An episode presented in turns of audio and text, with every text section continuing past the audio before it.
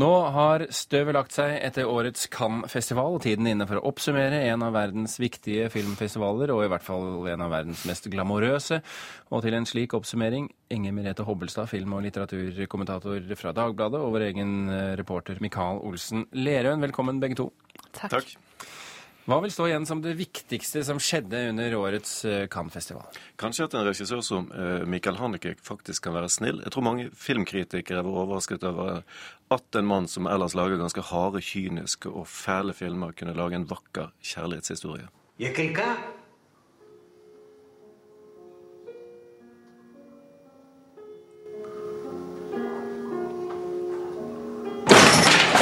Jeg krika.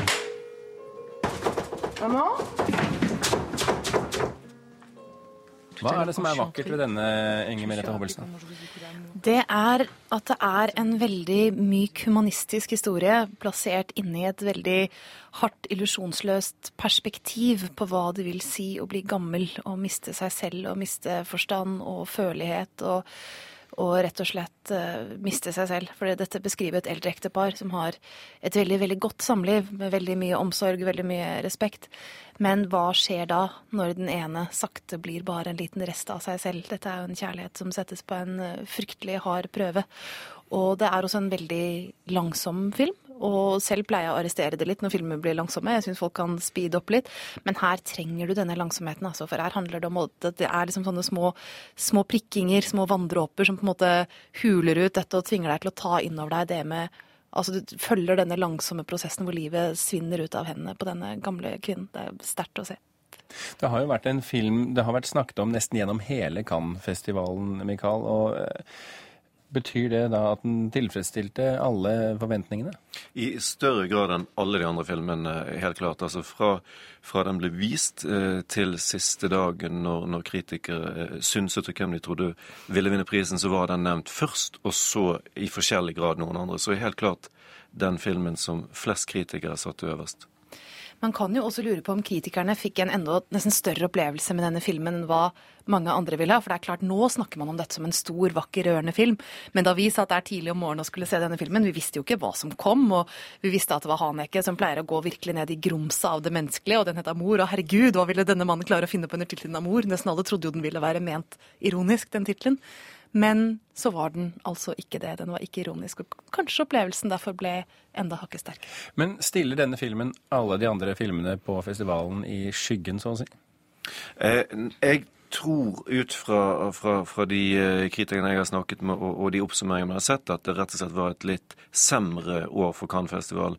Fordi du kan se på den som eh, kom på andreplass, hvis en kan si det. Den italienske eh, filmen som handler om reality-sirkuset, som heter Reality. En nokså lite subtil film. Eh, ganske bra start, og som så koker ut i sanden, ifølge kritikerne. Og jeg tror at hvis det skulle være den nest beste av i alt 22 filmer, så var det et dårlig år. Eh, selv syns jeg ikke det var et uh, dårlig år. Og jeg syns nok at altså, jeg, altså, denne prisen til reality viser jo at juryen og kritikerne var ganske uenige i år. Fordi reality ble møtt med et skuldertrekk da den ble vist tidlig i festivalen. Og det var jo en sånn eh, litt sånn billig reality-parodi som kanskje var halvaktuell i 2002, og i hvert fall ikke har vært det siden. Og man kan lure på om juryformann Nanno Moretti, som er en landsmann av eh, regissør Matteo Garone, også en sitt hjemland, kanskje har vært mer mottagelig for denne filmen enn andre. For det er klart det var langt sterkere konkurrenter enn dette. Altså det, det, var flere veldig sterke, veldig, og ikke minst også de filmene som ikke var helt fullkomne, da, kan du si, som, hvor det var mye å utsette på dem. Nesten alle filmene var interessante, nesten alle filmene var samtalestartere. Eh, men det var nok ingen som var så fullendt som Amor. Det var det ikke. Men hva syns dere, nå som dere sitter med alle svarene, om årets program? Jeg syns det var veldig mange store regissører, men få store filmer. Eh, enig. altså På papiret er jo dette et altså Dette er jo en who's who av store regissører i dag. Og så var det noen som innfridde, og noen som ikke gjorde det.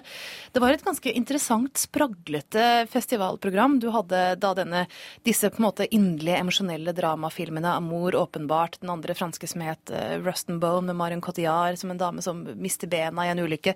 Slike store som på en måte bærende, hvor skuespillere får bare foldet seg ut og vist at de kan gråte, og at de kan fortvile, og at de kan hyle, og at de kan le, og alt det der. Eh, og så hadde du da noen sånne tvister på sjangerfilmene som kom særlig fra USA. Da var det en ubetydelighet som het Lawless, men den nye gangsterfilmen som er frontet av Brad Pitt, som het Killing Them Softly, var en interessant, ganske snedig sånn sidestilling av gangsterfilmen og samtidig en slags sånn film om den økonomiske krisen. da. Men har det vært en viss grad av forut, uh, uforutsigbarhet i årets program?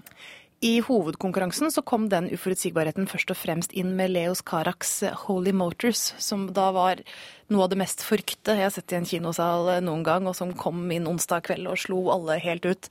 Blant annet en syngende Kylie Minogue som plutselig kastes rundt eh, i denne miksen. Eh, og så en sånn bisarr film som handler om en slags skuespiller som kjøres rundt i Paris i en hvit limousin og går ut av bilen og går inn i forskjellige absurde scener. Om det er noen som ser ham, hvem som arrangerer dette, om han har noe publikum. Alt dette er helt i det blå. Og dette var kanskje den eneste filmen som ikke lå tett på virkeligheten i det hele tatt. ikke sant? Som bare eh, kastet alle vanlige regler over bord og sier at nei, jeg finner opp mitt eget univers, mine egne regler. Eh, I denne verden får folk bare bli med eller ikke.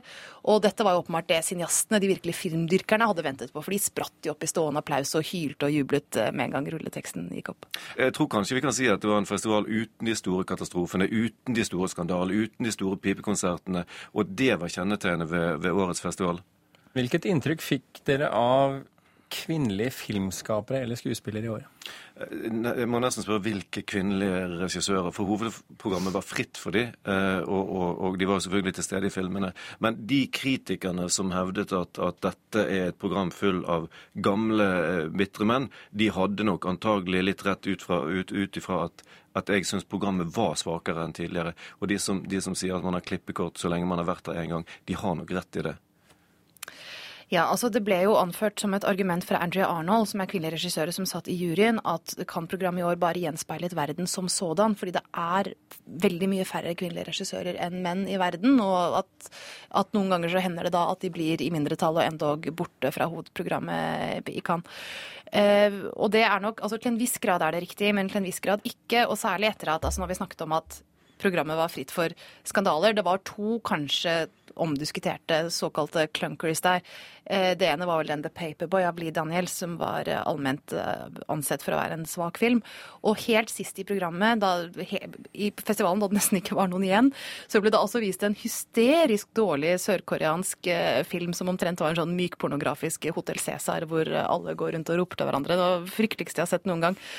Og det er klart, hvis dette er det beste du kan finne i verden, da, da har man ikke noe å komme lenger. Da er det veldig åpenbart at da må man bare lete litt hardere, og så finner man bedre ting som er laget av både kvinner og menn. Gleder vi oss til neste år? Ja.